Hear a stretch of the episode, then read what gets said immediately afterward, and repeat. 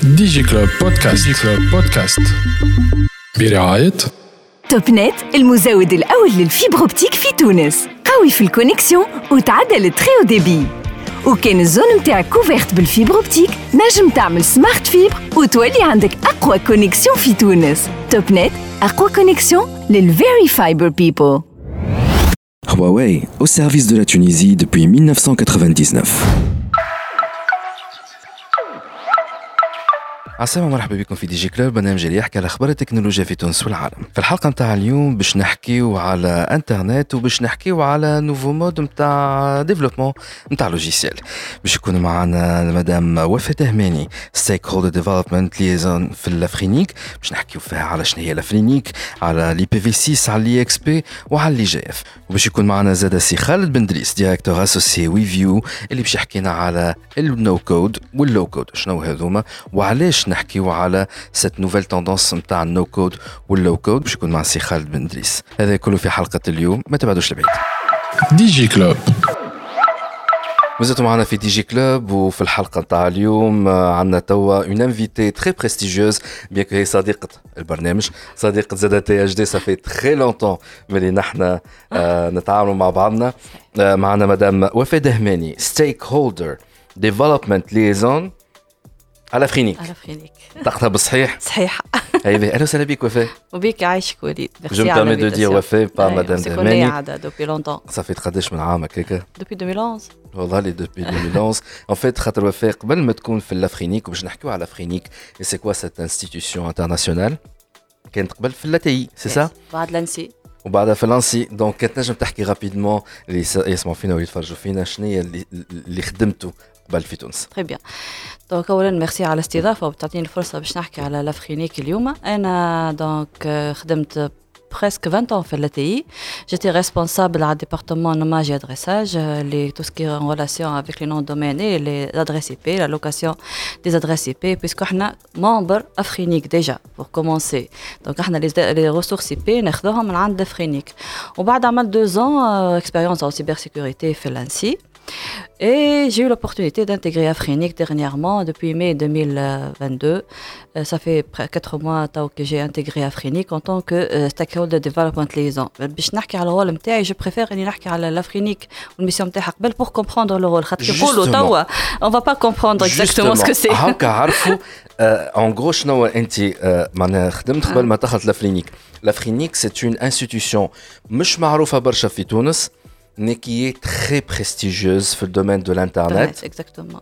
et en fait vous êtes la toute première Tunisienne. femme tunisienne à avoir intégré l'Afrinique. C'est vrai. Donc ça مبروك عايشك félicitations مليكش يبارك برشا من اللي آه، وليت معاهم Depuis بيان le- كنت تخدم معاهم من قبل Effectivement. ساعة خلينا نبداو بأول نقطة Très bien. Donc l'Afrinik, c'est l'abréviation de African euh, Network Information Center. Euh, c'est le registre régional de l'Internet. Il y a 5 dans le Donc il y RAI pour l'Europe, il y a l'ARIN pour l'Amérique, il y a l'ACNIC pour l'Amérique latine, l'APNIC pour l'Asie-Pacifique et le, cinquième, le plus jeune, c'est l'Afrinik.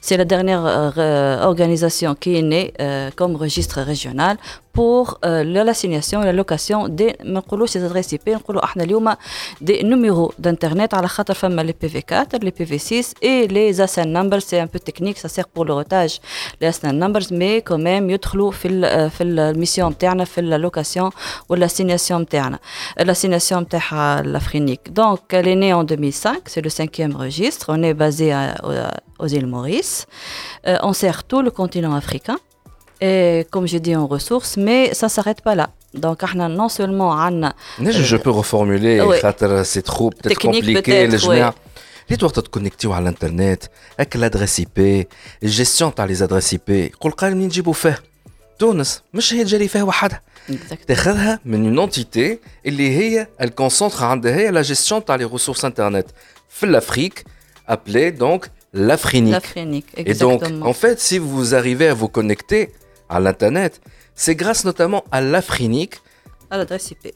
Grâce à l'adresse IP. De c'est au-delà de l'adresse de, de IP. Exactement. À part la mission, on a d'autres services dans le cadre, bien sûr, sécurité. On a une plateforme de signature des adresses IP, l'RPKI. On a les opérateurs, les FSI, tout ce qui est le, service reverse DNS pour les gateways mail. Donc, on a par exemple, on compte 21 membres. Il y a 21 membres. Euh, qui font partie du membre afrinique qui هما ياخذوا les blocs d'adresse IPv4 ou les IPv6 ou les ou les ASN number ما عند l'afrinique pour les distribuer que ce soit للكليونات نتاعهم ولا les entreprises خاطر حتى les entreprises عندهم الحق باش ياخذوا leur propre pool d'adresse en expression de besoin bien sûr et les gérer euh, sans passer par un fournisseur service ou l'opérateur. D'accord. باهي نحكيو توا على الميسيون الاخرى نحكيو على الميسيون الاخرى اكزاكتومون دونك الرول نتاعنا s'arrête pas là اليوم on a développé اليوم l'Afrique participe زاد à tout ce qui est éducation formation dans la technologie dans les technologies qui tournent autour de la de l'IP وزاد à travers les initiatives au développement سامحني des infrastructures internet je m'explique on a lancé des initiatives et des programmes les initiatives internes sont autour de l'éducation. On met à la disposition de toute l'Afrique en ligne une plateforme e-learning pour acquérir des connaissances sur des technologies autour de l'épée, bien sûr. On effectue euh, un programme de certification en IPv6. Euh, c'est payant, bien sûr, mais la forme, bien sûr, vous faites la formation, vous avez dit certificat. On le fait au عملت ساعة كلمة اللي هي باش الناس ممكن يعرفوا ايش على البي في 4 والبي في 6 نكملوا بعد نرجعوا على حكاية البي في 6 بعد exactement وعندنا زاد on fait beaucoup de formations en ligne des webinaires ونحطوا des vidéos en ligne pour des formations على التكنولوجي هذوما دونك اذا كان non seulement فما البلاتفورم en ligne mais نعملوا زاد des webinaires et on met en ligne des vidéos dédiées pour la pour la formation et le capacity building les Africains autour bien sûr des technologies qui tournent autour de, de l'IP. On a développé six programmes في Afrique واش نحكي عليهم بالواحد بالواحد خاطر جو بونس كو كو سوا لي ممبر ولا لا كوميونيتي افريكان جيكسبليكري ابري شنو الفرق ما بين لي ممبر ولا لا كوميونيتي نسميوها افرينيك اون دوات باش يعرفوا هاللي بروغرام هذوما ويشاركوا فيهم عندنا لو بروغرام نسميوه لو بروغرام فيلوشيب programme euh, c'est nous qu'on on supporte des individus qu'on choisit bien sûr à, travers des critères bien déterminés. On a un appel à candidature en ligne. On va permettre à ces individus de participer aux réunions de la FRINIC.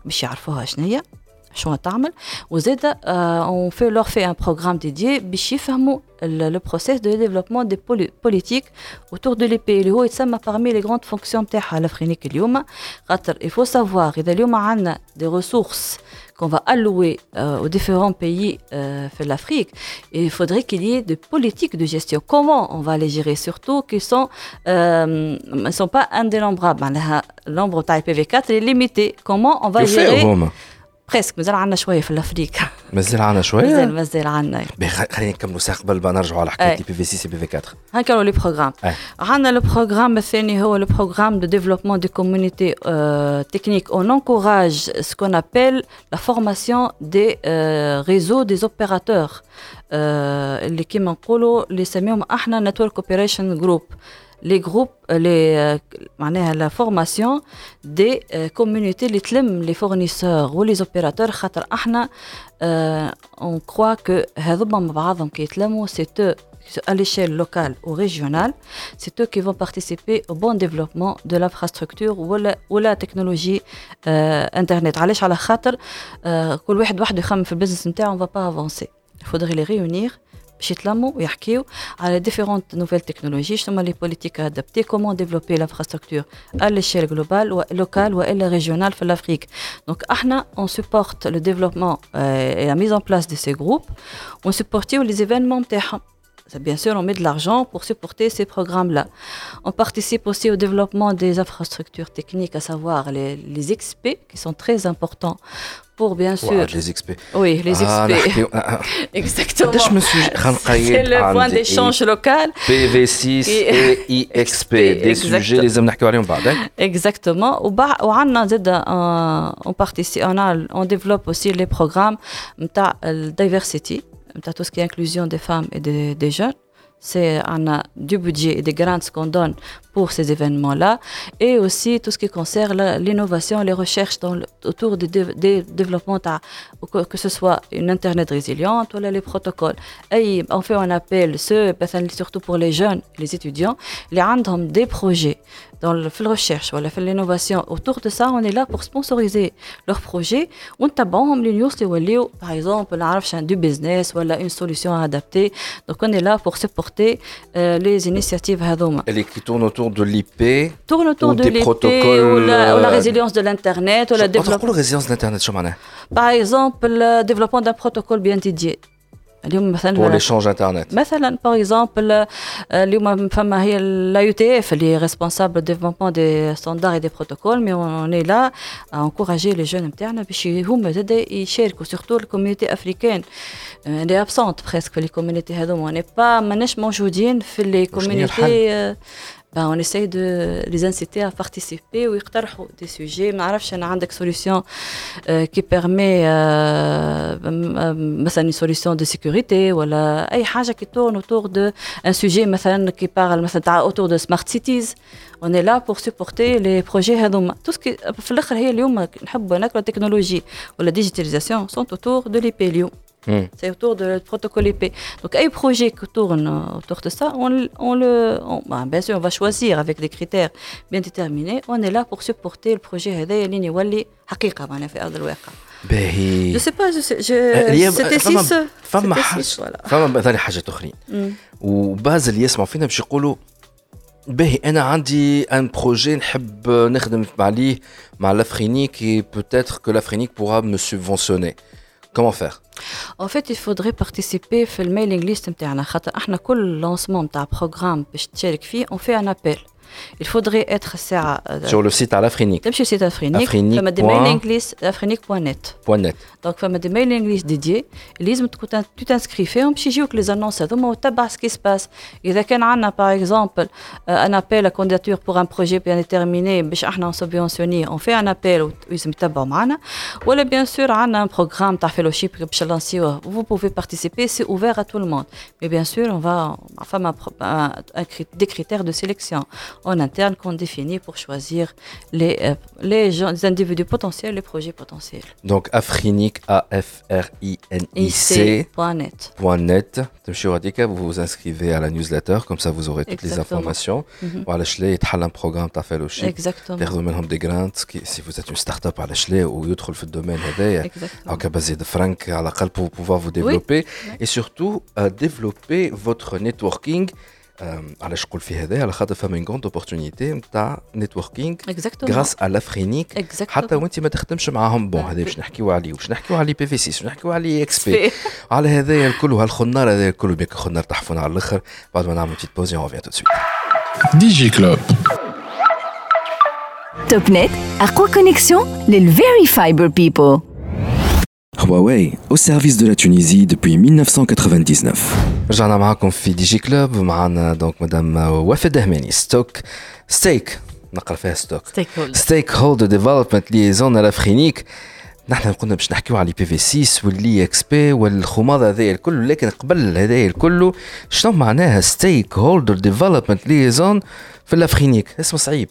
اسمه صعيب اما اما الخدمه سهله راهي مش صعيبه باهي شنو تعمل ان فيت انا جي بريزونتي تو تالور الميسيون تاع لافرينيك اي لي بروغرام دافرينيك احنا لو ديبارتمون ريسبونسابل دو لا بروموسيون دو سي بروغرام les communautés ou les membres de l'Afrique.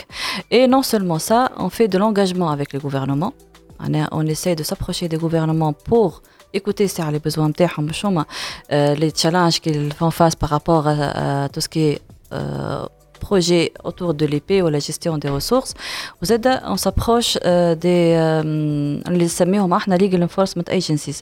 C'est les, euh, agences d'application de loi, qui est l'ANSI ou la, la on a, on a du travail, on fournit des services, donc on s'approche à ces entreprises pour présenter nos services et leur demander donc de s'engager ou les services.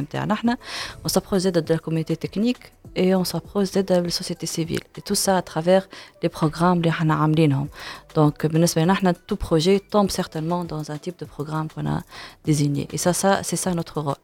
Donc, venez vers nos services et إحنا نمشيو لهم زاده pour les écouter voir شنو les problèmes تاعهم les informer. خاطر إحنا شفنا العباد صحيح لهي بالبزنس نتاعها وما عندهاش وقت باش تلهي بشويه بالبارتي دي ديسكسيون اللي يصيروا في الافرينيك ولا لي سيرفيس اللي تعطيهم الافرينيك دونك فرصة لنا إحنا زاده بور نمشيو لهم ون... ونوريهم لي سيرفيس هذوما شنو لي لكن أنتم حسب ما فهمت لا غوفرنونس نتاعكم سي بوتوم اب يس بوتوم اب سي توجور لا كوميونيتي كي ديسيد اكزاكتومون مثلا مثلا لي زادريس اي بي وانا جايينها على حكايه لي بي في 6 تو لي بي في 4 ماشي قاعد ساتوري اكزاكتومون اي دونك نقولوا يا اخي قبل كان اللي يجي يطلب ديجا سي لو غوفرنمون ينجم يطلب دونك Expression de besoin. كما نجم يكون لان بريفي Bien sûr. une entreprise un fournisseur d'accès Exactement. ياخذ آه، لكن توا مع لي بي في 4 ماشي قاعد ينقص ça devient une source rare إيه. في في في في الافريك dans ce cas là تولي شكون prioritaire etc c'est la communauté c'est pas le board qui décide Exactement. C'est la, euh, c'est la communauté qui propose la politique هذيا تتعدى par un process bien défini على السيت ويب نتاعنا نسميوه policy development process والبروسيس هذايا آه، اول ما يبدا يبدا ترافير الميلينغ ليست ديسكسيون البروبوزيسيون نتاعها نتاع البوليتيك والديسكسيون نتاعها تعدى من بعد لي ديسكسيون في اللي نسميهم احنا لي بابليك ميتينغ لي ريونيون بوبليك اللي يصيروا بيان سور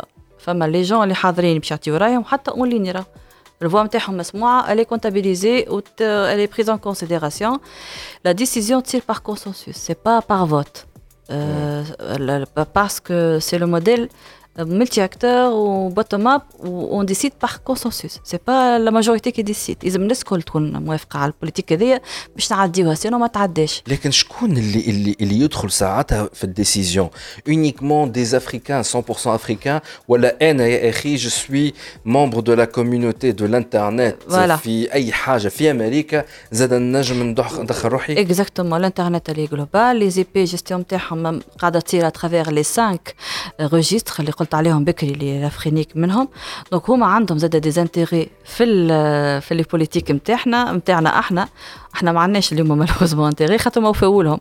مي هما عندهم دي زانتيغي ماذا بهم؟ باغ اكزومبل يجيو يقتر يفرضوا علينا بوليتيك دو ترانسفير مثلا أنت شركة تونسية عندك زادريس اي بي مازالوا تولي فارغين. تعطي مثلا ال- الباكستان ولا حد في أمريكا ولا حد في آسيا إحنا اون لانتردي كو سوا بار كونترا بيننا وبين الكليون وإلا في لي بوليتيك دو جيستيون معناها ينجم واحد في أمريكا يجي. يكلمني أنا يقول لي اسمع أي. عندك كيلكو ادريس اي بي. خلينا نشريهم لك ينجم تنجم تعطيه لكن رد بالك إحنا عندنا سون ابيل لوديت اون افكتو لوديت اسيستي للكليونات نتاعنا اش معناها معناها باغ اني اون شوازي وزار راندوم معناها وزار شكون باش ندوتيوه كيفاش قاعد يستعمل فيهم لي ريسورس هذوما دونك اذا نلقاوك ماكش كونفورم كو سوا لو كونترا اللي عامله مع لافرينيك ولا لي بوليتيك ليست بان فو ريسكي اللي إحنا ناخذوهم لك لي ريسورس هذوما اذا انت ما ترجعش للسيتواسيون نتاعك كونفورم ما نطلبوا منك باش ترجع أول حاجة ننبهوك ثاني حاجة نطلبوا منك دو ريكوبيري سي زادريس بي تستعملهم.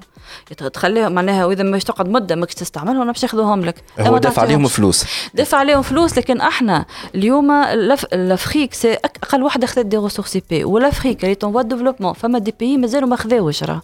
فما دي بي دي زي بي ما خذاوش دي بيي ما مشاوش نيفو ديفلوبمون خاطر الجاب صحيح موجود بين الافريك وما بين لي زوتر كونتينون لكن الجاب موجود حتى ما بين لي بيي دو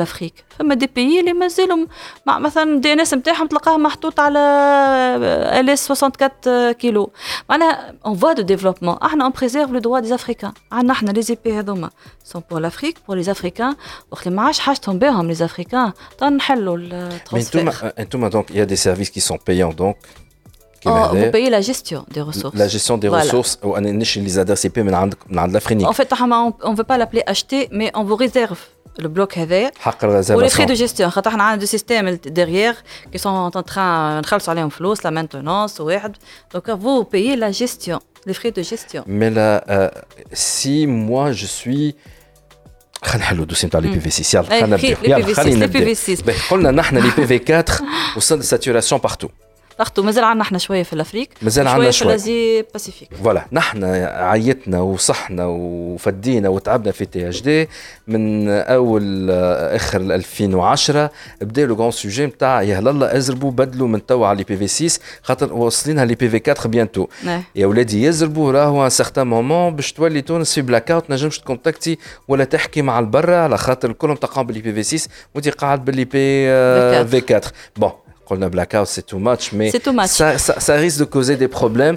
mais انت باش يكون Ça عندك risque, un oui. certain moment un problème اللي نحن خلطنا له par ailleurs انه il y a une saturation في les adresses IP et donc باش تولي ثلاثه اربعه من الناس ي- يخرجوا avec une seule adresse IP وهذا اللي صار يظهر لي في الموبيل توا أي. certaines Exactement. certaines zones donc D'accord. توا انت Ouais. تكونكتي وغيرك مكونكتي معاك sur la même adresse IP خاطر il y a Une limitation في les ressources. اكزاكتومون نو سولمون سا وخروا هما فخروا هو شوف نو سولمون سا إحنا حتى البروبليم تاع النات اليوم اللي موجود حتى على بي في 4 سي فري كي سي سوليسيون مي سي با لا سوليسيون اوبتيمال انت اليوم سي فو بارتاجي ان بلوك واحد واحد عنده اي بي من البلوك هذا يعمل باغ اكزومبل اون اكسيون خاطر فما غادي توسكي يعملوا مثلا في الفيشينغ ولا ولا ديزاتاك اترافير اون اي بي اللي انت موجود في البلوك هذايا راهو البرا يفون بلوكي تو البلوك دونك انت تلقى روحك ليزي Voilà. ولا المشكلة بقى ديجا اللي يسمعوا. اللي إحنا البي في 4 ما عادش مكفي واللي إحنا تو نحكيو على الإنترنت دي زوبجي وعلى السيكوريزاسيون فوالا دونك اليوم لي بي في 6 نحكيو عليه. برشا. سي اون نيسيسيتي لازمك تحضر له. هو شو مشكلته؟ لازمك تحضر له. تونس ما حضرتش ولا حضرت؟ والله أنا اللي نعرف اللي آه لافونتيغ صار الناس كل يوم هذول سورتو لي زوبيراتور خاطر نحكيو على لي زوبيراتور لي اف سي يعرفوا شنو عندهم. يسبورت لي بي في 6 ولا كون ماتيريال وشو ما je suppose qu'il y a eu des plans d'action de euh, déploiement. de transition, déploiement des PV6. Est-ce que tu as dit le déploiement ou Ce qui est sûr, le trafic visible barra, on est PV6 en pairing.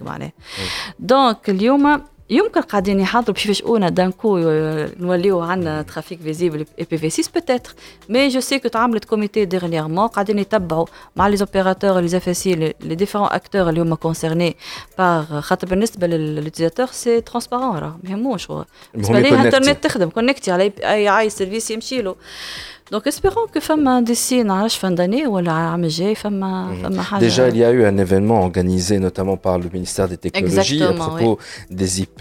Euh, déjà, on l'a couvert mmh. et là, on a découvert donc euh, que Olid doit faire la surprise en disant le NFL mobile broadband NA Hadr comme opérateur l'IPv6 à les smartphones euh, sont déjà IP, IP6 euh, ready. ready. plutôt fixe قالوا بلوتو خلينا نبداو بالفيكس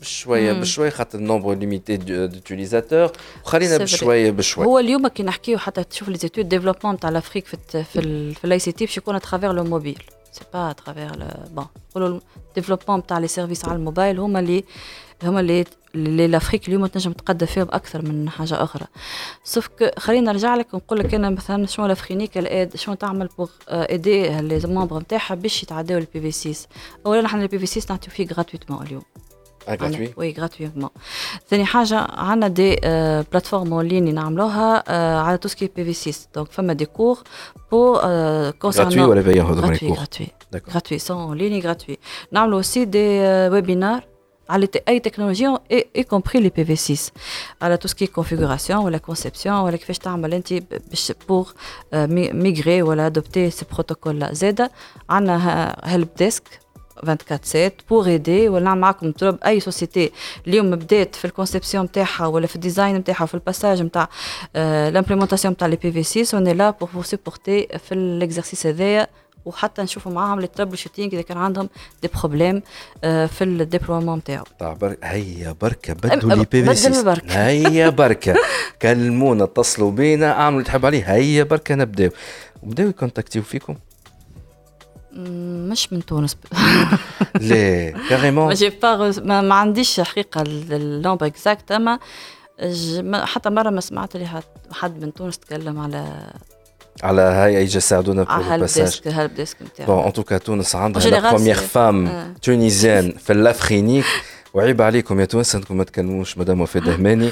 ديجا نجم يكلموك دونك ليتا بيان ايفيدامون اي اوسي ميم حتى لي فورنيسور داكسي ولا حتى لي زيبرجور توانسه بور بور بور لي ايدي خاطر مالوغوزمون قلت لك إحنا سي فري كل واحد لاهي في البزنس نتاعو في خدمته. سوغ با دو كاري اللي إحنا فيه حتى بور نخرجوا شوية هكا من زون دو كونفور نشوفوا واش فما واش يصير. ما نقراوش ما نتبعوش كاسكو نعملوا إحنا كوم كوم ديبارتمون ونسي دلي فيغ نو مومبر وليزانفورمي ونسمعوا كيفاش نجم يتصلوا بيك فيا لافرينيك؟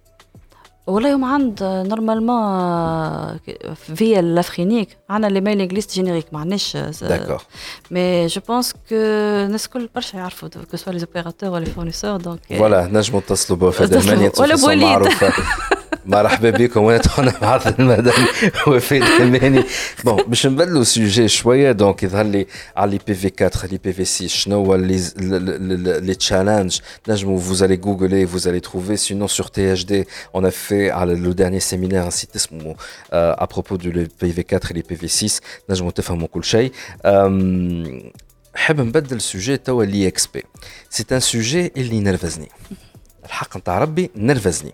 علاش؟ على خاطر تونس كان مانيش غلط صلح لي وفاء آه كانت أول دولة إفريقية اللي عملت لي إكس بي ومن بعد ان سيغتان مومون مع سي معاذ شقشوق لا ديفلوبي أكثر. وبعد لو سوجي يظهر لي وقف. n'a pas encore été développé. Pour expliquer déjà c'est quoi l'IXP, c'est l'exchange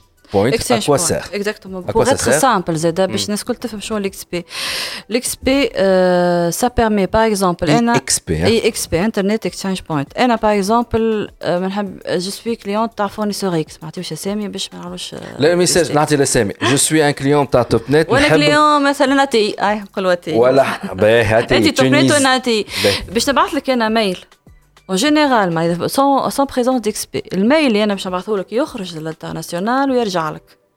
دونك احسب انت اللاتونس واستعملت وشوف الديبي اللي استعملته جو دي على البون باسونت انترناسيونال مشيت لفرنسا لباري باش السيرفور قال لا لا الادريس هذه موجوده في تونس دونك يهز لي التوب نت دونك هو شو يصير الاكس بي ديريكت يتعدى من من وفاء الوليد من غير ما يخرج لبرا يمشي اترافير الاكسشينج دونك فما كان في الوقت وفما كاع بونت باسونت نحكي ميل وحكي فيرا ما نجم نقولوا برشا حاجات أخرى. ياكلوا. دونك يولي ميل في نعرفش قداش دي ميل ولا قداش فيه دي فيشين نجم يكونوا كل يوم كل يوم ساتاكس دونك فما كاع بونت باسونت دونك كاع في الفلوس كاع في ال في ال في, ال في الكو.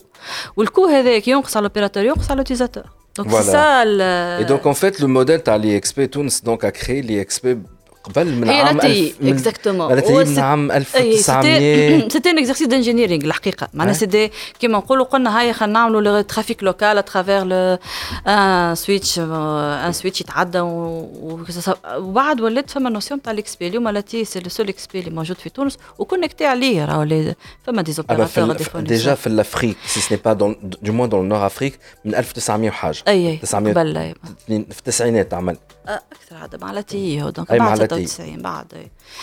اليوم بون ما عندناش بوكو ديكس بي بوتيتر دونك استنى الموديل ساعه تحل أكثر بعد ولا سي سي هو ني با ريغولي راه اللي يحب يعمل إكس بي سا تا دوموند با ترو سوف كو هما يفو تروفي فما باسكو يفو كريي لو بزنس موديل عليه باش نفسرهم علاش على خاطر بعد كي ولا عندنا دو اوبيراتور قبل خاطر يافي كو تونيزي تيليكوم يافي كو لا تي دونك ولا عندنا نعرفش قداش فورنيسور داكسي ولا قداش عندنا من اوبيراتور تليفونيك دونك شنو صار ولا دونك لا تي حلت سو موديل دو لي اكس بي ولا الناس كلها تنجم في بقعه ينستاليو لور بروبر سيرفور اي دونك دو كو لي ابوني سون انتركونيكتي ما بينات بعضهم اكزاكتومون ينجم أي اوبيراتور يعمل الاكس بي نتاعو اللي الاكس بي نتاع لا تي إي أي فورنيسور يعمل الاكس بي نتاعو ديجا فما في تونس العاصمة وكان مانيش غلط في سوسة. أي في الفيضة. في الفيضة فما ديجا لي زي إكس بي هذوما. دونك ان كليون مثلا اريدو على الإنترنت معناها على الريزو نتاع اريدو يحب يتصل بان كليون عند اورانج ولا عند توب نت ولا على جلوبال نت. دونك اون فيت لو فلو باش يتعدى لي إكس بي سوا تونس سوا الفيضه اوب سي ان كابلاج ما بينات لي دو serveur, hop, il t'arrête le réseau l'autre euh, oui. opérateur ou la fournisseur, et c'est comme ça tu optimises toutes les ressources, ou bah, le relais ou tout le Exactement, d'ailleurs, on va connecté à l'ATI, donc je me dis, je parle de l'ATI, je vais plus en détail, je pense que. Effectivement, donc euh, on pourrait en parler. Donc, allez, je n'ai pas l'IXP, la rate de l'IXP, malheureusement, Tunis ne s'est pas développée encore plus. تقول ما عندناش برشا بيتيت خاسكو كلهم كونكتي ولا لا جو سي با علاش قلت له وي بيتيت مي أنا قلت لك جو بريفير هنا يكونوا لاتي تحكي عليها أكثر من Mais là, c'est quoi le rôle de l'Afrinique pour le développement des IXP فوالا اون سبورت اللي يحب يعمل بي ديجا اون لا بور لو سبورتي تكنيكمون وحتى في البزنس موديل نتاعو خاطر هما برشا يقول لك أنا باش نعمل بي شو باش نربح منه؟ Là, باهي سامحني عندي سؤال ممكن جينون اه قلتاش تقرب من اكثر الميكرو تفضل نحب تفضل نسمعوك مليح تفضل هاي. سي با لو رول دو لافرينيك انها تقول للدول الافريقيه يلزمكم تعملوا une بوليتيك اللي فيها tous les grands acteurs de l'internet s'interconnectent via un, ex- un IXP local نو وكما؟ ونرجع ونقول لك إحنا الموديل دو فونكسيونمون نتاعنا سي با اب داون سي بوتوم اب دونك اللي سي لا كوميونيتي اللي تحب تحب تعمل ديفلوبي حاجة ما كامله ثم حتى واحد من ما حتى الكوميونيتي واحد ما خمم خاطر هما بالنسبة لهم علاش أنا جامبوز لا كرياسيون دي إكس بي سي سي بزنس كيز معناها. كل واحد يقول لك أنا جي با مثلا عش أنا جي با انفي دو دو ميتر ان إكس بي اي التي موجودة تنتعدى على التي جو سي معناها سي علاش نقول لك احنا انكوراج الديفلوبمون دي نوغ دي ريزو دي اوبيراتور نتاع لي جروب دو ريزو دي اوبيراتور هما كي تلموا يفون ديسيدي كيفون يفون ديفلوبي ليكو سيستيم هذايا réellement ils ont c'est une décision locale اكثر منها تطلع تجي لافرينيك الامبوز حاجه كيما هكا مي نو اون دون باغ اكزومبل فاش احنا نحاولوا نشجعوا فما دي سيرفيس ما نعطيهم كان مثلا كي تبدا انت اكس بي نقول لك انا نحط عندك اون كوبي دي سيرفور روت كان تبدا انت اكس بي سينو ما نحطش عندك هذا لافرينيك اي دونك اون فما une امبوز دي كونديسيون معينين تكون إكس بي باش نحطوا عندك ان سيرفيس ولا كوبي من الداتا سنتر نتاعنا ولا انك تكون إكس دونك سي إحنا on لقيناها باش نشجعوا الحاجة لاسوس لقيناه. سينون سي ايماجينون واحد من وريد ومن اورانج يسمعوا الانترفيو هذايا ويكلموك يقول لك حبوا نعملوا نحن إكس بي ما بينات بعض. هما راهم لو با بيزوان مثلا لو سيبور نتاع لافرينيك بور لو فير مي سيلز فول لو سيبور وي اون لا بور لو سيبور. كان أنا جو سوي اون انتربريز بريفي ونحب نعمل اني اكسبي ونربح منها فلوس. Euh, bah, vas-y, viens vers nous, on va vous aider. سي بوسيبل C'est possible. تري بيان اكسلون بي فما اخر بوان نحب نحكي عليه آه، فما لي جي اف Ouais. انترنت Governance Forum, فورم اسكو كون بو دير كو لي جي اف اللي هو يتعمل وورلد وايد في برشا بلدان وفي برشا ريجيونات في تونس تعمل اون بيريود وبعدها ركح وفما دي تونتاتيف باش يعاودوا مره اخرى يحيروه اسكو لافرينيك قاعد تاخذ في لي ريزولتا نتاع لي ديفيرون اي جي اف باهي لافرينيك تاخذ لي رابور دي ديفيرون اي جي اف وقت اللي هي تسبونسوريز لي جي اف هذايا باش نزبوش برشا اللي يسمعوا فينا اللي يعرفوش لي جي اف هذاك حكينا عليها قبل دون دي باهي لي فوروم دو غوفرنونس الانترنت سي باش رقدهم نحن هو في تونس عمل مرتين و 2015 14 2013 2017 قداش نقدم آه، تحشتي نحن دونك اليوم به خلينا من لي جي اف ناسيونال ان شاء الله يعاود يحيى اليوم فما لي ريس- لي جي- لي فوروم دو غوفرنانس لوكو في البلاد ولا في ال- لي ريجيون ولا في لي كون- في ال- لي كونتينون فما كيما نقولوا تونيزيان نور افريكان آه، افريكان وفما بيان سور لو جلوبال موجودين هذوما الكل سي دي فوروم وين يتقابلوا لي زاكتور الكل بور ديسكوتي دي سوجي داكتواليتي يخصوا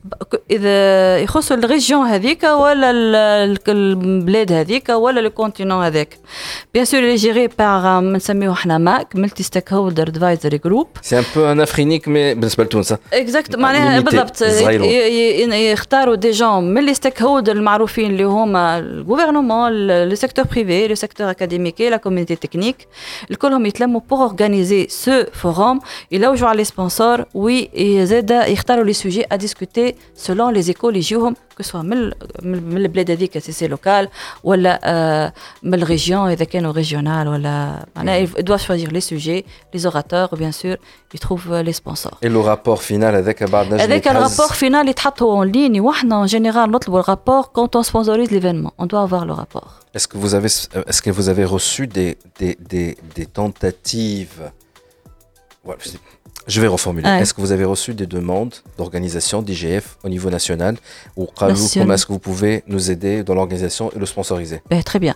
احنا ملي انا كي انا بديت تونس ما طلبتش من نورا فيك كلوب والاخرين اللي توسكي فما فما لي زي اف كيما في دي بيي افريكان طلبوا خذاو وفما زاد ريجيونال كيما الويسترن الايسترن والافريكان الكل اون لي زا سوبورتي وينكم يا توانسه عندكم وفاء بهماني في الافريك أنا مشيت للنور افريك ديجا النور افريك وينكم يا توانسه باسكو أنا اللي زون في النور افريك النور افريكان اللي سوبورتي اليوم آه تعرفوا ماشي قاعد تطلع لي في مخي تي اش دي نحن اون اورغانيز لو بروشان اي جي اف على يفضل كلي واحد اون اسامبلي جينيرال كتيف ان شاء الله تتعمل و لا على خاطر سوني با نورمال باغ ايور تنجموا تفركسوا على جوجل اللي vous tapez THD IGF et vous allez trouver à l'époque j'ai fait deux trois articles على على l'événement avec et je trouve que c'est dommage اللي depuis ça s'est pas réactivé peut-être qu'il y a eu une ou deux réunions mais c'était du avec tout le respect avec tout le respect, mais c'était plus Hanagardi Il n'y a pas eu quelque chose de, de, de, de, concret. En tout cas, c'est dommage. Mais malheureusement, l'engagement de la communauté tunisienne, peut-être, on a le secteur privé, le gouvernement, j'ai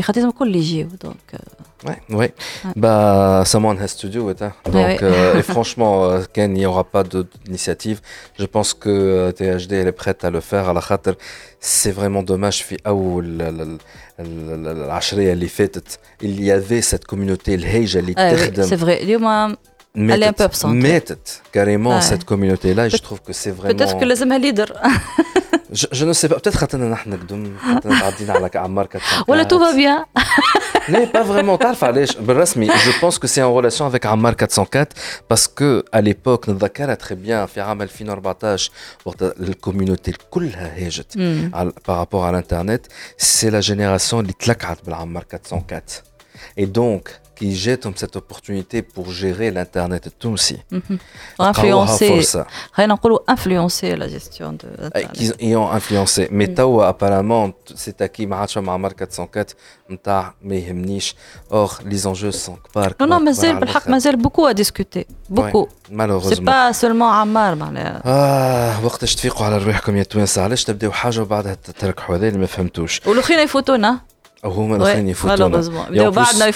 Nous avons la première femme tunisienne في l'Afrique معناها c'est un plus pour nous ربي يهديك شو نقول لالا وفاء دهماني ستيك هولد ديفلوبمنت ليزون في الافرينيك ميرسي بوكو دافوار اكسبتي نوتر انفيتاسيون نعاودوا نذكر تدخلوا على afrinique.net a f r i n i c.net pour vous inscrire à la mailing list, je vous toute l'actualité. Donc si vous êtes une entreprise privée, ça peut être intéressant pour vous, déjà pour le networking, pour faire valoir votre droit et votre voix. C'est la société, vous êtes la société civile, c'est la même chose. Vous êtes des personnes, des étudiants, ça, peut être quelque chose d'intéressant. Si vous êtes start-up, vous êtes en train de développer quelque chose, élitaire un secteur d'activité, vous pourrez même avoir des subventions.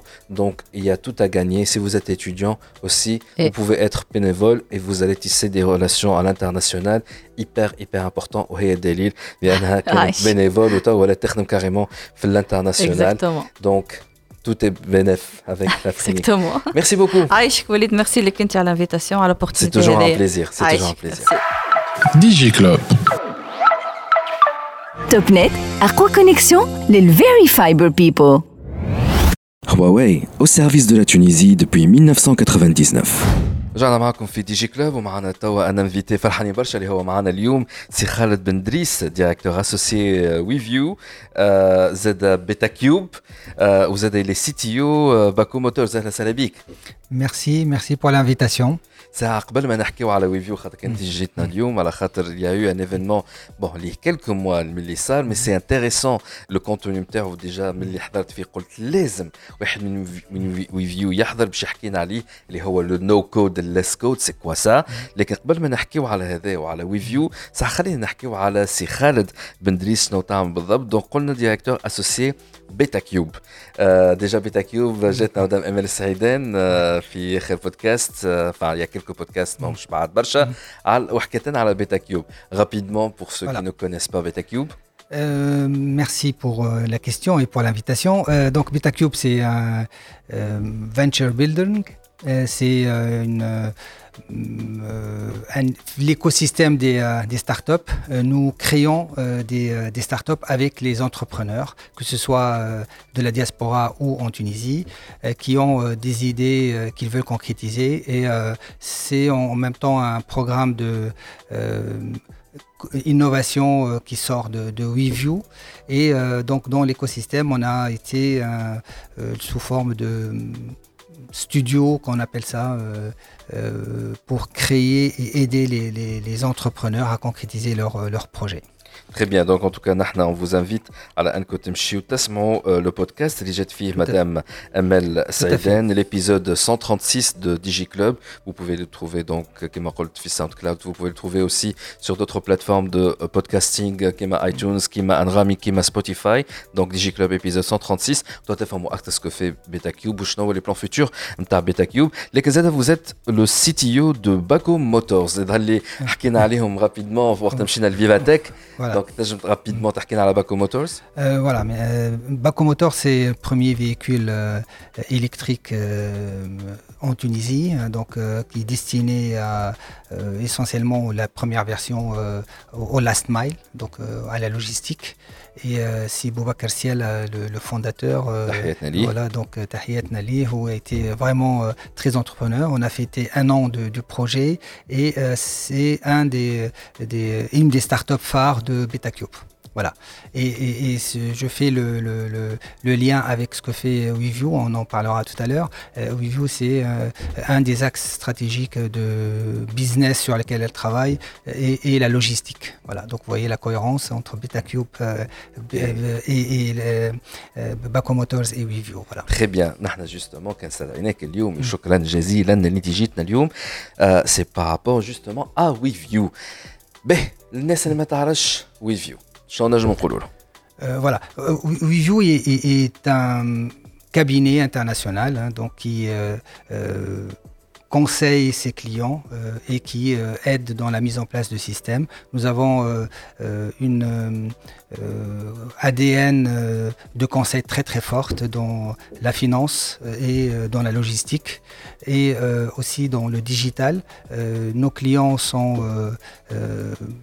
partout dans le monde, donc nous avons au-delà de, de, de, 300-400 projets depuis notre euh, lancement. Nous sommes aujourd'hui à WeView et 400 ingénieurs, essentiellement à, Tunis. Euh, donc nous sommes sur 5 euh, pays. Donc la, base est tunisienne, mais en même temps, lorsqu'elle a été créée et lancée, ça a été en même temps des projets à Tunis et en Europe.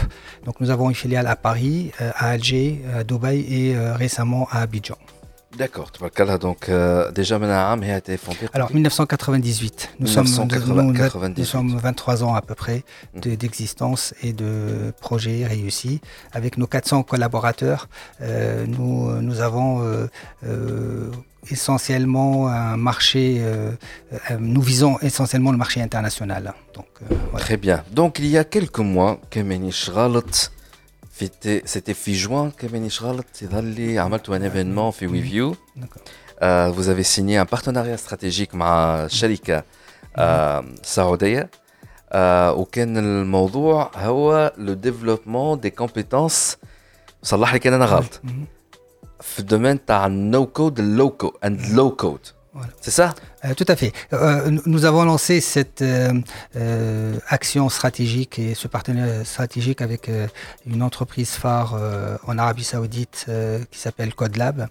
Et l'objectif, c'est de créer un centre de low code sur la région, un des plus grands centres sur la région. Voilà, donc on en parlera tout à l'heure. Moi, je, suis, je vais être un peu plus sur euh, comme l'explication autour de low code euh, et le différencier par rapport au no code. On en viendra Justement, en détail. merci beaucoup à mettre à la transition. C'est quoi le low code C'est quoi le no code Et je me développe une code euh, je développer une code. On, le fait déjà. Hein. Si vous avez Excel, c'est que vous êtes en train de développer avec du sans, code, hein, donc pratiquement. Mais le, le, besoin d'avoir des outils pour faciliter le développement est un besoin important depuis des, années. mais la technologie actuelle est tellement complexe que ça paraît un peu impossible de, développer euh, sans code. Ce qui se passe, c'est que euh, le, mouvement en lui-même, le besoin d'avoir des outils pour euh, assister la phase du développement, existe depuis très très longtemps, depuis les années 50, 1950. Carrément. Il y a, si on regarde, moi, j'ai déjà travaillé sur mon doctorat sur du Fortran. Et lorsqu'on écrit en Fortran, on, écrit euh, euh, très peu de code et il y a derrière beaucoup de choses qui sont euh, automatiquement générées et, créées. Donc c'est un, genre d'assistant dans, dans le codage. Après, ça s'est compliqué plus en plus. Hein. Donc les années 90, euh, les 1990 euh, et un peu avant, il y avait euh, le mouvement des ce qu'on appelle les logiciels de, de quatrième génération, LKG. Il y avait du, des, un phénomène autour d'un logiciel qui s'appelle Gupta ou bien de Forms, Oracle, c'est très connu, où le développement, pareil, on développe des applications avec très peu de, de, de, codage, entre guillemets, et euh, ça crée des applications de gestion autour d'une base de données. C'est Bendris, tout ça, c'est très bien, لكن باش نسال انا سؤال نعتبره انا بتاع فهم ديجا اللي يسمعوا فينا واللي هما يسخلوها نتاع uniquement on va parler top technologie, on parle de la top technologie, ça c'est vrai, mais quand même نحن نحاولوا نبسطوا المعلومه اللي ما يسمعش. Et donc la question اللي جاتني وقت اول ما تعرفت على اللو كود والنو كود في الكونفرنس دو بريس اللي تعملت في ويفيو اول سؤال جاني معناها انا ما نعرفش نديفلوبي ما نعرفش شو معناها الكود نجم معناها نديفلوبي ونعمل اون جيستيون مثلا خلينا نقولوا اللوجيسيال نتاع جيستيون دو ريزو مثلا سي بوسيبل Alors, euh, je ne peux pas vous dire si c'est possible ou pas directement, parce que euh, tout dépendra des compétences euh, existantes. Et je vais donner un exemple sur la, gestion de, réseau euh, en lui-même. Hein. Donc si on revient un peu à, la notion de développement d'un logiciel, euh, ça s'inscrit dans un projet informatique. Et le développement, c'est une activité qui est précédée par plusieurs autres euh, étapes par rapport à ça. Et si on se limite seulement à cette activité, qui on sait exactement ce qu'on veut, Développer une application de gestion euh, nécessite euh, de, mettre en place un savoir-faire et d'utiliser une base de données, de l'installer euh, et de la paramétrer, de créer la base, de faire des requêtes spéciales pour extraire les données ou les, ajouter, et ça c'est un langage qui s'appelle SQL. présenter ça à la partie web ou mobile, et ça c'est des langages qui sont autour de Java, PHP, .NET.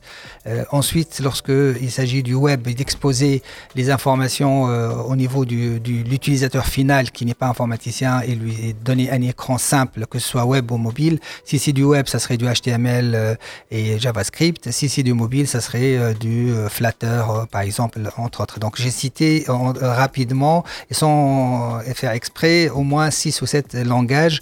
Et ça, c'est la façon traditionnel de développer les, euh, les, euh, euh, les applications. certaines époques, il y a quelques années, le développeur doit maîtriser le tout et sont ce qu'on appelle full stack, ou bien certaines entreprises divisent en deux, il y a la partie back-end et la partie front-end qui sont des spécialistes différents. Maintenant, je reviens à la question, désolé, hein, je suis un peu euh, prends une réponse assez longue, mais pour mettre le cadre dans, dans tout ça. Voilà. C'est ça. Donc maintenant, euh, ça c'est la façon euh, traditionnelle de, de, faire. Et vous imaginez, pour que quelqu'un arrive à maîtriser ces six ou sept langages, il faudrait qu'il ait plusieurs mois, pour ne pas dire années d'expérience. Et, derrière, il y a de la logique. Il faut que ce soit optimisé, il faut que ce soit réutilisable et ainsi de suite. Donc cet esprit d'ingénierie est important pour faire euh, la façon classique. Et ça, ça prend du temps. Ça prend du temps. Euh, développer un, gestion stock peut prendre, par exemple, euh, disons, allez, trois mois pour, pour le faire. Maintenant, dans la brèche, s'installent certains outils. Alors, tous ceux que j'ai cités, HTML, JavaScript, c'est des outils. Et, le projet lui-même, l'utilisation d'outils dans la phase de développement nécessite des experts. Pour le low-code, ou le no-code, entre guillemets, je donnerai un peu la, différence entre les deux, c'est euh, de dire est-ce qu'il y a un outil qui me permet d'aller plus vite, plus sûr sur certains euh, types de projets, pas tous. Euh, d'accord. Et donc, dire que je ne peux pas, je, je, peux développer sans avoir de connaissances techniques, c'est entre guillemets un peu difficile parce que même si vous utilisez un outil qui, qui va vous aider à aller vite, il faudrait avoir la notion de base sur qu'est-ce qui se passe derrière, behind, qu'est-ce qu'il y a derrière? Quand je, je crée un écran, euh, les données, elles vont où? Dans un fichier ou dans une base de données. Est-ce que les étapes, les couches entre la, recherche et euh, l'exposition euh, entre une page et une autre? Voilà, donc il faut un minimum de background technique pour comprendre qu'est-ce qui se passe derrière. Maintenant, si vous avez cette, cette, vision, cette expérience euh, et que vous avez un outil qui vous aide à aller vite, oui, vous pouvez développer. Voilà. Donc, c'est ce que je veux dire. J'ai mis une condition pour ne pas dire euh, que le citizen developer va être euh, de, demain euh, qui court la rue, les rues et que quelqu'un qui n'a fait aucune, aucun, qui n'a aucun background technique peut venir dans la salle et commencer à faire du développement. very reductive. معناها le low code et le no code ينقص لي l'exigence de marché de l'expérience dans le développement logiciel euh, euh, Alors, euh, le, no-code, c'est une tendance, comme les briques de logo pour faire des, des, applications. Déjà, le no-code, c'est que j'ai une interface logicielle. Ouais. Hoa, je coche une case 2, 3, il me crée le logiciel. C'est comme ça le no-code? Le, no-code, il y, a cette partie, mais aussi il y a le drag and drop et je crée une interface. Voilà, tu une fonctionnalité voilà, drag and drop, et ça me crée le logiciel. Ou, des choses qui sont déjà euh, prêtes et je les euh, mets ensemble. Je fais avec Zapier ou autre des outils, je fais de l'automatisation. Quand un email m'arrive euh, sur ma boîte aux lettres, j'ai un outil qui me permet d'envoyer une réponse, ainsi de suite. Donc tout, tout ça, c'est on est dans, dans du, du no-code. Il n'y a pas besoin de codage. Et à ce moment-là, vous voyez que quand il n'y a pas besoin vraiment de codage, les sons qui peuvent, les choses qui peuvent être faites sont assez limitées. Mhm. Donc, parce que tout a été préconfiguré avant. Et le mouvement aujourd'hui, c'est qu'on augmente de plus en plus la quantité de choses prêtes pour pouvoir créer ces euh, briques de logo. Hein. Si vous avez aujourd'hui, euh, euh prenez un, sans citer de marque, pour un enfant, vous achetez du, du, logo. Si vous achetez 200 pièces, il peut faire quelque chose. Si vous achetez 2000 pièces, il peut faire un, un train qui, qui tourne. Alors Donc, quel voilà. est le bénéfice? Voilà. Le, le bénéfice pour qui? Ça le problème, parce que il faut revenir maintenant. Euh, pourquoi on le fait et pourquoi on le, on, le, on le maintient. Euh, euh, le no-code, le mouvement que j'observe actuellement, il est destiné aux freelance essentiellement, aux petites entreprises, aux structures qui n'ont pas de, de, de, d'IT. Et derrière, ils sont, c'est des solutions cloud et il faut payer quelqu'un. C'est-à-dire, au, lieu de payer l'équipe de développement pour réaliser, on va payer la, la plateforme euh, avec un abonnement au nombre d'utilisateurs. Voilà, donc c'est un win-win. Euh, je, vous donne des outils de productivité euh, que vous pouvez manager vous-même rapidement, mais en même temps, vous, vous avez un, un abonnement chez moi. Ça, c'est le mouvement no-code. Et là, on voit la limite, c'est que euh, pour les grandes entreprises, les banques, les télécoms et autres, euh, c'est dans un petit département possible, mais ça crée ce qu'on appelle du shadow IT. C'est quelque chose que les directeurs informatiques n'aiment pas du tout. Quelqu'un qui manipule des données, donc personne n'est au courant. Et euh, là où euh, se situe notre centre euh, WeView avec CodeLab et la vision qu'on a mis nous, c'est que comme le besoin en expert en Java ou en PHP ou en Angular ou React ou d'autres, on a besoin encore de ces ressources, au lieu qu'ils passent leur temps à recréer la gestion des utilisateurs, à recréer des, interfaces bêtes et méchantes qui sont de euh, ajouter un utilisateur, enlever un utilisateur et tout, bah, on, se dote d'outils euh, qui sont dans le mouvement low code. Quand on dit low code, ça veut dire je diminue la quantité de, de, code, mais je ne l'élimine pas. J'ai toujours besoin d'experts et de spécialistes qui maîtrisent la plateforme et mais qui maîtrisent aussi les technologies de base. Mmh. Donc aujourd'hui, quand je développe une application avec euh, l'outil, par exemple, interne de WeView qui s'appelle Mailcart, euh, on est à à peu près 30%, euh, 40% de temps sur... non, c'est le temps. Si, je fais la gestion de, de, de, réseau en 100, 100, jours, ben je le ferai en 30-40 jours sur... sur c'est optimiser les ressources. Optimiser les ressources de développement. Maintenant, le projet en lui-même, c'est un projet, et, c'est là où, WeView s'intéresse au sujet, c'est que ça donne de la valeur aux autres métiers, qui sont les métiers d'analyste, nous sommes les métiers de chef de projet, euh, d'optimisation, euh, de, de test et, autres, qui sont, font partie du projet informatique. Le projet informatique, c'est un projet hmm. qui comporte plusieurs activités dans le développement. Je sais pas si c'est clair. Je vais faire l'avocat du diable. Bien sûr. D'accord Ok. Un j'ai un client, un logiciel. Mhm. Je vais développer le logiciel. D'accord. D'accord بعدها نعملوا بال باللو كود بالنو كود واحد يديفلوبي فول تايم هذاك اموري انا خلينا نقول داكوردو باهي ليسونسيال سي كو لاوتكام في الاخر اللوجيسيال يكون تحفون ويخدم وسيكوريزي وكل شيء si j'opte pour le low code ou elle a le no code si j'ai bien compris نولي انا j'optimise les heures et les jours de développement باش نخلي اكثر وقت pour le testing pour le volet sécuritaire de l'application qu'elle livre à temps ou elle ça va juste me permettre de facturer un petit peu plus sur les autres services euh, et les autres métiers.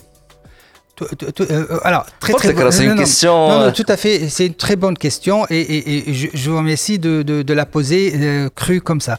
Donc, c'est ma spécialité. Non, tout à fait. Et, c'est pour cela, d'ailleurs, je, comme je vous ai dit, moi, je suis pas, je sors pas beaucoup en presse, mais pour vous, j'ai adoré de, que vous m'appelez pour cette ce podcast. Le plaisir. Alors, euh, très très simple. Euh, WeView a 24 euh, ans d'expérience et elle a compris un seul sujet, tout seul, c'est le client a des besoins et nous sommes là pour répondre à ses besoins. Et c'est-à-dire qu'on est orienté client, orienté, comment dire, conseil au client et euh, si le low-code ne correspond pas à ce qu'il veut, on va lui dire dès le premier jour. Donc on ne va pas faire du low-code euh, indépendamment des euh, besoins clients. Donc ça, c'est un, point important sur lequel je, dois insister. Maintenant, je reviens à votre question sur le, comment dire, pourquoi on va faire du low-code. Premièrement, on, on, le fait parce qu'on constate, et pas nous, hein, donc l'Institut des, des projets dans le monde, constate qu'il y a un problème dans les gestions de projets informatiques et dans les projets informatiques. Vous savez combien de, de, de, projets informatiques réussissent Quel est le pourcentage de réussite de Donner un chiffre 5%, 10%. Alors, un peu plus. Je suis rabat-joie, Un peu plus, c'est, on, on, parle de 21% de projets informatiques qui, réussissent. 21%. Lorsqu'on dire projet informatique, justement, c'est que, je fais mon projet de transformation digitale, c'est un chantier كبير على الاخر voilà, euh, euh projet informatique, le développement d'un logiciel spécifique. Il faut préciser. Voilà, euh, dans le digital ou la transformation digitale, la transformation digitale, c'est au-delà du logiciel lui-même, hein, c'est transformer toute l'entreprise, mais outiller les, collaborateurs pour qu'ils deviennent productifs. Et pour les, outiller, on va leur donner des outils euh, informatiques et donc on va développer des solutions. Pas une seule, plusieurs solutions. Et, donc, euh, le projet, le grand projet de, de, transformation euh, digitale va comporter un portefeuille de, de projets informatiques. Et c'est ces projets-là informatiques, la réalisation, où euh, si on définit la réussite, c'est d'être dans le budget et d'être dans le temps. 79% des, des projets informatiques sont des échecs. des, échecs. Et du coup, pourquoi? La question est pourquoi C'est dû à quoi La voilà. Alors, les, les, les, cinq principales raisons, hein, donc j'ai noté euh, ici pour ne pas se tromper incompréhension du besoin du client, uh-huh. manque de visibilité du besoin, manque d'implication des parties prenantes. Voilà. Incompréhension du besoin du client incompréhension du besoin du client. On comprend pas ce qu'il euh, On lui dit ah, ok ok j'ai compris. Après je reviens deux mois après et lui dit c'est pas ça. Donc ça c'est très classique euh, chez le client. Manque de visibilité sur les besoins et les autres besoins qui vont venir après. Euh, je, je, je vais revenir, ça, noter, noter les points et après on va revenir. manque d'implication des parties prenantes, c'est-à-dire qu'on n'arrive pas au cours du projet d'impliquer tout le monde, les, les business, les décideurs, les CEO, ainsi de suite. Quoi. Euh, problématiques techniques, ça, ça vient en quatrième point, et ressources surchargées en cinquième point. Donc vous voyez que les trois premiers points sont des, euh, des points qui sont la capacité de l'équipe de gestion projet à impliquer et à comprendre le besoin client. Et c'est là où vient le low code. Ah je parle, pourquoi? Parce que euh, dans l'approche euh, qu'on a mis chez WeView et qui va se généraliser, je pense, dans, dans le monde, nous, sommes early stage. Hein, aujourd'hui, dans le monde, ça commence. Hein, on parle de 2025 à 70% de projets en low code, d'après le Gartner, donc 2025 dans quelques années. Et il parlait de 2023 de 25%, donc de, de, projets faits en low code. Donc il y a une tendance de fond qui se fait.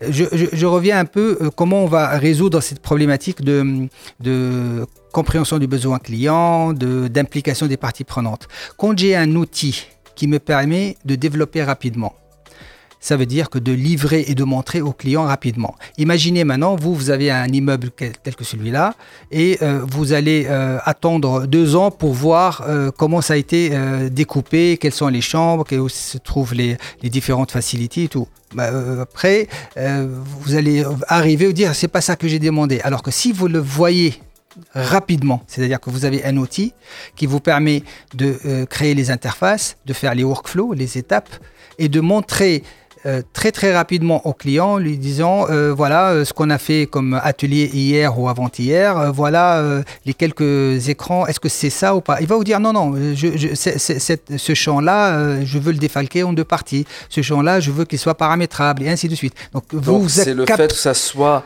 très rapide, un preview le, le, le logiciel voilà. ou les fonctionnalités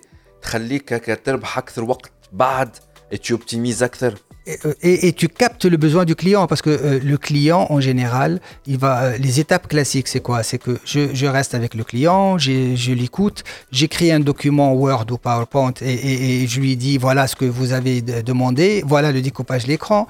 Et, après il me dit non c'est pas ça, il va revenir. Ça, ça prend deux mois ou un mois pour comprendre le truc. Entre temps et lui, il a commencé à perdre l'idée même, de, ou changer d'idée. Deux mois après, vous lui ramenez l'écran qu'il a discuté avec toi il y a quatre mois, il lui dit non, c'est pas ça que je demandais. Alors là, avec le low code et, et, euh, et les ateliers qui sont des outils, j'appelle, c'est pas une finalité, c'est un outil. Avec ces outils, vous vous mettez en condition réel. On ne parle pas de preview, on parle de conditions réelles de solutions qui sera implémentée et vous allez mettre les baliser les écrans, baliser le workflow et les étapes.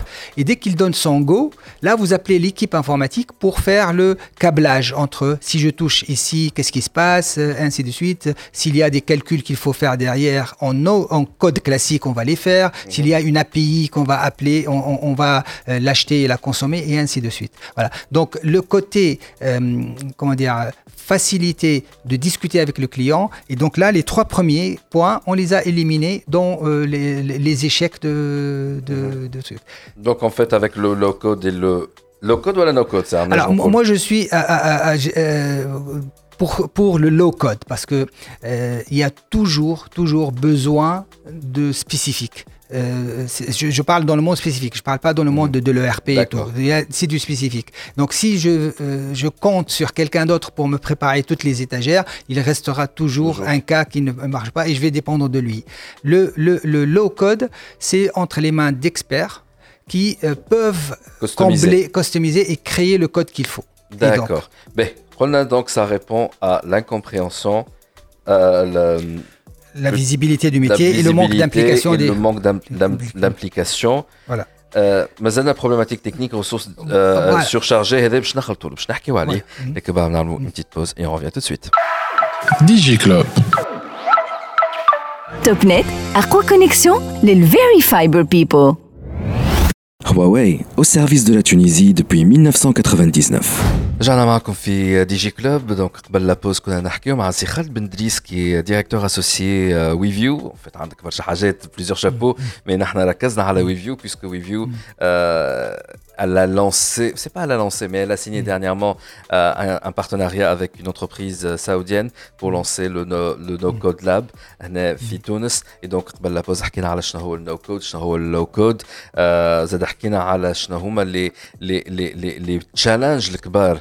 يتعرضوا اي بروجي انفورماتيك اللي يخليوه ينجم يتيح في الماء قلنا كاريمون plus de 70% de probabilité يكون un échec فيه et les 5 la raison majeure, c'est l'incompréhension du besoin, le manque de visibilité, la marque, euh, le manque d'implication par les différents départements dans une entreprise, euh, enfin une problématique technique et les ressources يكونوا euh, surchargées. نحن حكينا قبل la pause على كيفاش انه le low code euh, le no-code, mais c'est surtout le low-code, mm.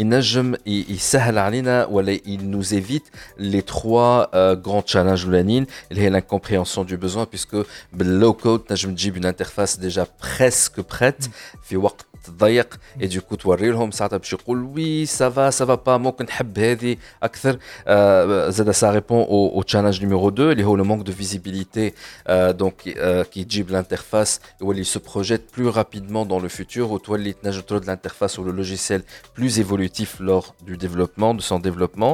Euh, il y a aussi le manque d'implication, donc le low-code, يخلي انه كي تجيب l'interface plus ou moins حاضره en bêta rapidement يولي chaque département de l'entreprise et donc du coup ça implique euh, tout le monde. Mais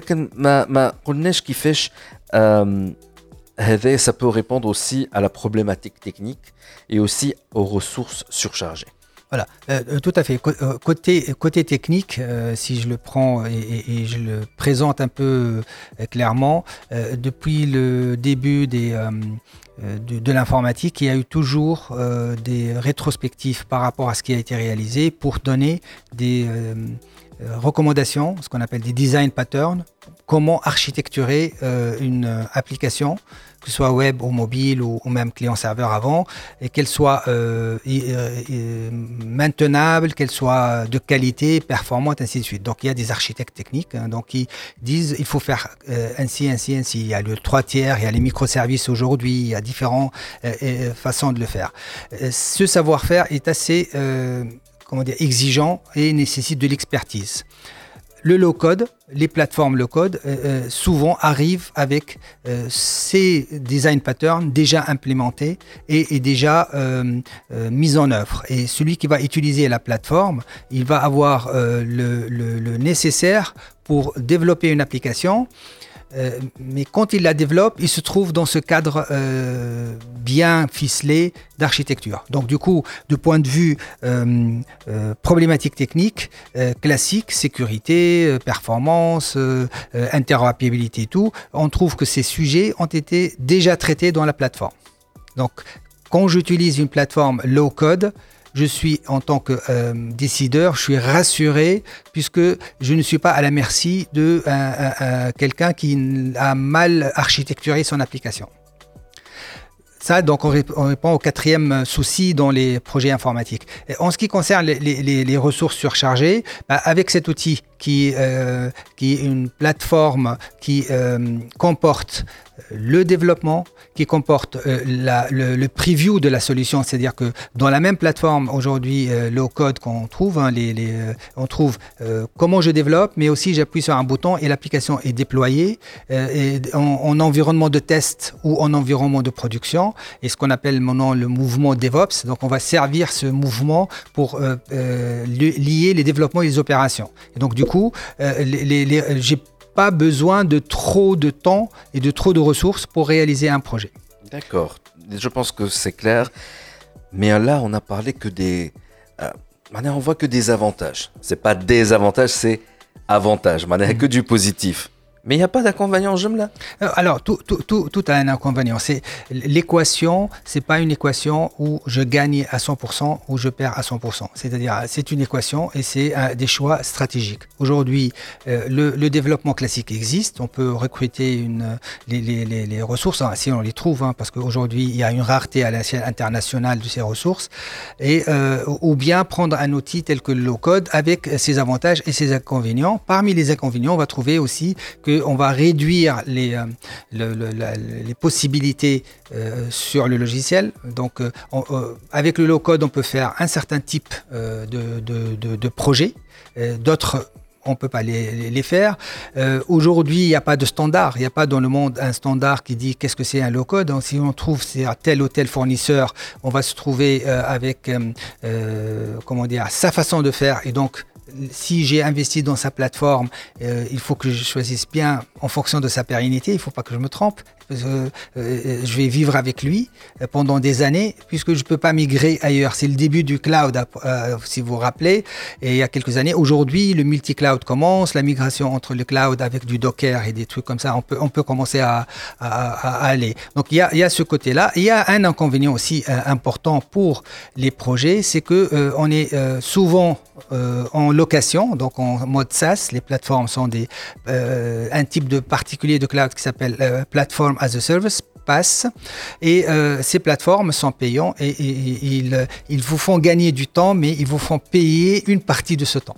Donc il faut payer, pas n'importe qui euh, qui, euh, qui peut se positionner sur ça. D'où la réponse de, de, de, par rapport à ça. Nous avons notre plateforme interne qui permet de faire du low code et qui est très performante, mais on vise un certain type de marché où le coût de licence n'est pas est, comment dire, est difficilement supportable. Donc euh, l'Afrique, la Tunisie euh, est dans l'Afrique. Et sur certains pays euh, comme qui ont de, les moyens de se payer, les Rolls-Royce sont en des guillemets. Justement, j'allais poser la question en termes d'opportunité pour la Tunisie. le fait qu'on soit sur un marché et c'est le marché africain. Donc, euh, et le fait que la Tunisie est proche de ces marchés qui peuvent se permettre la Rolls-Royce, est-ce que on peut dire c'est une opportunité pour la Tunisie? Euh, Alors, euh, chaque comment dire phase de l'histoire de, l'IT qui est assez courte. Maintenant, on parle. Avant, on parle d'informatisation, après, on a parlé numérisation, maintenant, le buzz, c'est digitalisation. Euh, mais on parle de, euh, dans le même sujet, des besoins d'automatiser des, travaux, de rendre le collaborateur actif, de, de mettre en, commun le savoir-faire au sein de l'entreprise et d'automatiser certaines tâches. Bah, ce besoin, il est mondial. Aujourd'hui, la demande est, est importante. Il y a eu euh, le passage à, l'an 2000, hein, je ne sais pas si vous vous rappelez de ça, qui a pris beaucoup de temps, euh, qui a empêché de moderniser les, applications avant 2000. Il y a eu la crise 2008, pareil, qui a empêché de, moderniser. Il y a les phénomènes d'ubérisation et tous les décideurs ont peur de se faire ubériser. Du coup, euh, on se rue sur le digital à raison et à tort. Et du coup, ça a créé une demande énorme pour les, les ressources IT. Et fameux le Covid et, le Covid, récente, voilà, it, was a turning tout à point. Fait, tout à fait, tout à fait. Et, et le Covid est, là. Et euh, ce que je, je, peux, je peux, dire aujourd'hui, que le besoin euh, de digitalisation existe. Euh, et euh, il va falloir le servir. Euh, avec les ressources et la capacité des universités à produire des, des, des ingénieurs très très limité. On va pas arriver si on, compte seulement sur les, le, comment dire, les ingénieurs qui sortent de, des écoles d'ingénieurs dans le monde. le low code, il va venir, il va dire, vous avez des ressources telles qu'en Tunisie, des scientifiques. Euh, vous savez qu'en Tunisie, on, adore les maths et que les classements se font au bac. Pas les maths, je suis désolé, j'aime pas. Bah, pas. oui, tout, à fait. Mais euh, par rapport au classement, ainsi de suite, on a trouvé beaucoup de, de, comment dire, de filières mathématiques euh, qui, en Tunisie qui ramènent vers l'ingénieur, mais d'autres qui ramènent les mêmes personnes parce qu'il a eu un petit virgule moins au, au, bac il va se trouver en biologie ou va trouver autre en mécanique ou autre, alors qu'il a une CPU dans sa tête extraordinaire. Aujourd'hui, on prend ces, gens-là, on les transforme euh, en euh, via le no-code, parce que l'expertise euh, pour atteindre, ce n'est plus cinq ans d'ingénieur, ça peut être quelques mois pour le transformer et le, et, le rendre opérationnel effectivement sur des plateformes low-code. Et là, le, tour est, est, joué. Mais là, pour quelqu'un, فشلوا في النظام الدراسي التونسي آه واللي هما يكرهوا المات. كان أنا نحب نعمل الترانسفورماسيون تاعي نولي نخدم في النو كود واللو كود مع ويفيو عندي بلاصه ولا Alors, euh, je crois que Marhababik, ou, c'est pas, il n'y a pas de, de, de comment dire, y a, vous, êtes, vous avez réussi à créer tout ça. Hein. Moi, moi, je dis. Euh, c'est grâce à l'effort aussi de tous ceux qui sont avec voilà, moi. Voilà, donc euh, c'est déjà une, une réussite en, en elle-même. pas pour vous dire quelque chose, mais personnellement, moi, je suis pas informaticien, hein, donc j'ai jamais fait d'informatique. Eh, c'est bien, c'est bien. bon, j'ai fait une école d'ingénieur, hein, l'école centrale de Lyon, mais j'ai pas, j'ai jamais eu de, de, de, cours en informatique informatique euh, pour devenir informaticien. Mais c'est la passion. C'est la passion. Sérieux, est-ce que je les prérequis? C'est une des questions. Alors, quels sont les prérequis? Mm. Podcast. Euh, je vois une opportunité. C'est le futur. Mm. Et d'ailleurs, j'aimerais bien poser la question euh, qui me mm. le cycle est très très rapide. Les évolutions technologiques, ça va rester longtemps. Voilà, ça va être. Ouais. Mais avant ça, انا نشوف فما une opportunité تاع فلوس باش نقعدش بطال آه باش نقعدش في dans un métier اللي هو باش يموت بيانتو ونحب نعمل التبديل نتاعي هذا ونعمل du low code du no code Quels sont les prérequis Je dois être ingénieur, je dois avoir un minimum de savoir-faire de développement, je dois être un technicien. مرحبا بي حتى لو كان مضطرد من القرايه شنو هو لو نيفو باسيك Alors, pour, pour euh, euh, répondre clairement sur le, sujet, euh, premier comment dire, prérequis, c'est la logique. C'est avoir une logique, entre guillemets, scientifique.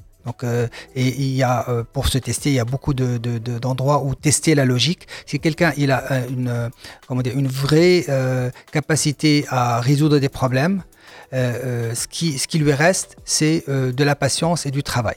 C'est euh, apprendre un langage tel que HTML, un web ou ainsi c'est euh, la mer à boire.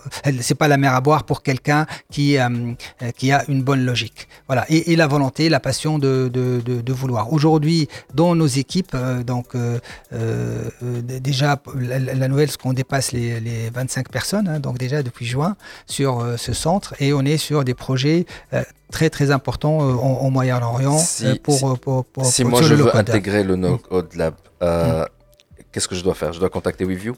Alors, pas, pas, spécialement, mais on peut, on peut vous aiguiller. nous, on, on, est en train de préparer un, un Low Code Academy. C'est pas encore, c'est dans les cartons, mais on est en train de regarder. Mais euh, pour euh, les projets classiques chez WeView, euh, le niveau était euh, exigé était autour d'ingénieurs. Actuellement, nous avons des, des équipes en, licence et qui sont très très performants par, par rapport à, ça. Donc voilà, donc on est en train et, et on a il y a quelques années on a créé WeView Academy où on a transformé certains, on est allé à l'ABNEC, on a pris une liste de, de, de, chômeurs longue durée et on a fait un parcours de six mois pour les transformer et certains d'entre eux sont, là.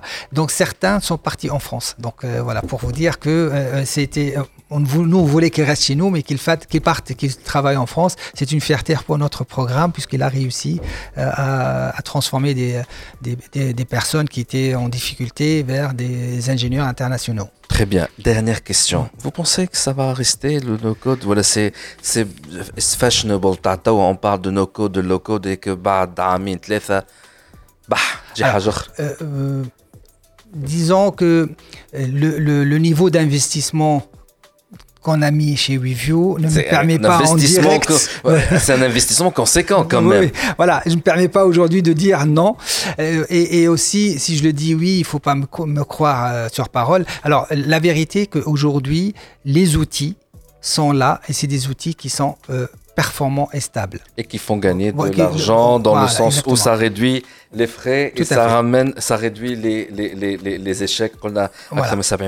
échec, ça réduit ça. Donc, rien qu'en soi, exactement. C'est un bon et là, on vient, je viens de sortir d'un projet, de finir d'un projet réalisé en Tunisie, hein, donc pour un des ministères aujourd'hui. Euh, on a réussi quand même, euh, personne ne croyait euh, qu'on allait le terminer, vu le nombre, il y a à peu près 300 écrans, 10 mmh. workflows, hein, donc des étapes compliquées, avec 12 rôles différents. Tout à l'heure, je parlais des, de l'implication des vis-à-vis des personnes. il y a 12 rôles, c'est-à-dire qu'il y a le directeur, il y a celui qui valide, il y a l'utilisateur et tout. Et faire travailler ça en, moins de 5 mois, réussir un projet de cette taille, euh, sans, sans, notre outil de mail-carte de, de, de, low-code, euh, ça aurait jamais été euh, possible. Khaled Bendris, directeur associé WeView. Euh, merci beaucoup d'avoir accepté notre invitation à le no-code ou le low-code. Euh, je pense que sur Internet, il y a toutes les ressources c'est quoi le low-code et le no-code? Nous, l'interview, l'importance d'un point de vue stratégique pour euh, les, les, une, une, entreprise comme, comme WeView. voilà, cette tendance-là qui fait que elle peut réduire justement les, les, les, les, les, les échecs d'un projet خاطر زاد tu investis برشا فلوس دبر المارشي باش في الاخر تخسر المارشي هذاك وتزيد تخسر عليه الفلوس زاد ماهيش حل en tout cas اللي تسمعوا فينا تحبوا تعرفوا اكثر على ويفيو vous pouvez bien entendu aller sur weview.com ça s'écrit W E V I O O le français W evio.com et vous allez avoir toutes les informations وعلاش ان شاء الله وقتها تخرج No Code Academy هذايا علاش لا تلقاو l'information علاش لا زاد les personnes qui veulent faire leur transformation نتاعهم هما في الميتي يمشيو يقراو ان شاء الله بيانتو عندكم انتوما سي خالد بن دريس ميرسي بوكو ميرسي تري بيانتو ميرسي هذا اللي عنا الكل في حلقه نتاع اليوم والتقانا المره الجايه في الامان ديجي كلوب وفات اليوم نجموا تعودوا تسمعونا على ساوند كلاود اي تيونز جوجل بودكاست وانغامي برعاية توب نت اقوى كونيكسيون للفيري فايبر بيبل Huawei, au service de la Tunisie depuis 1999.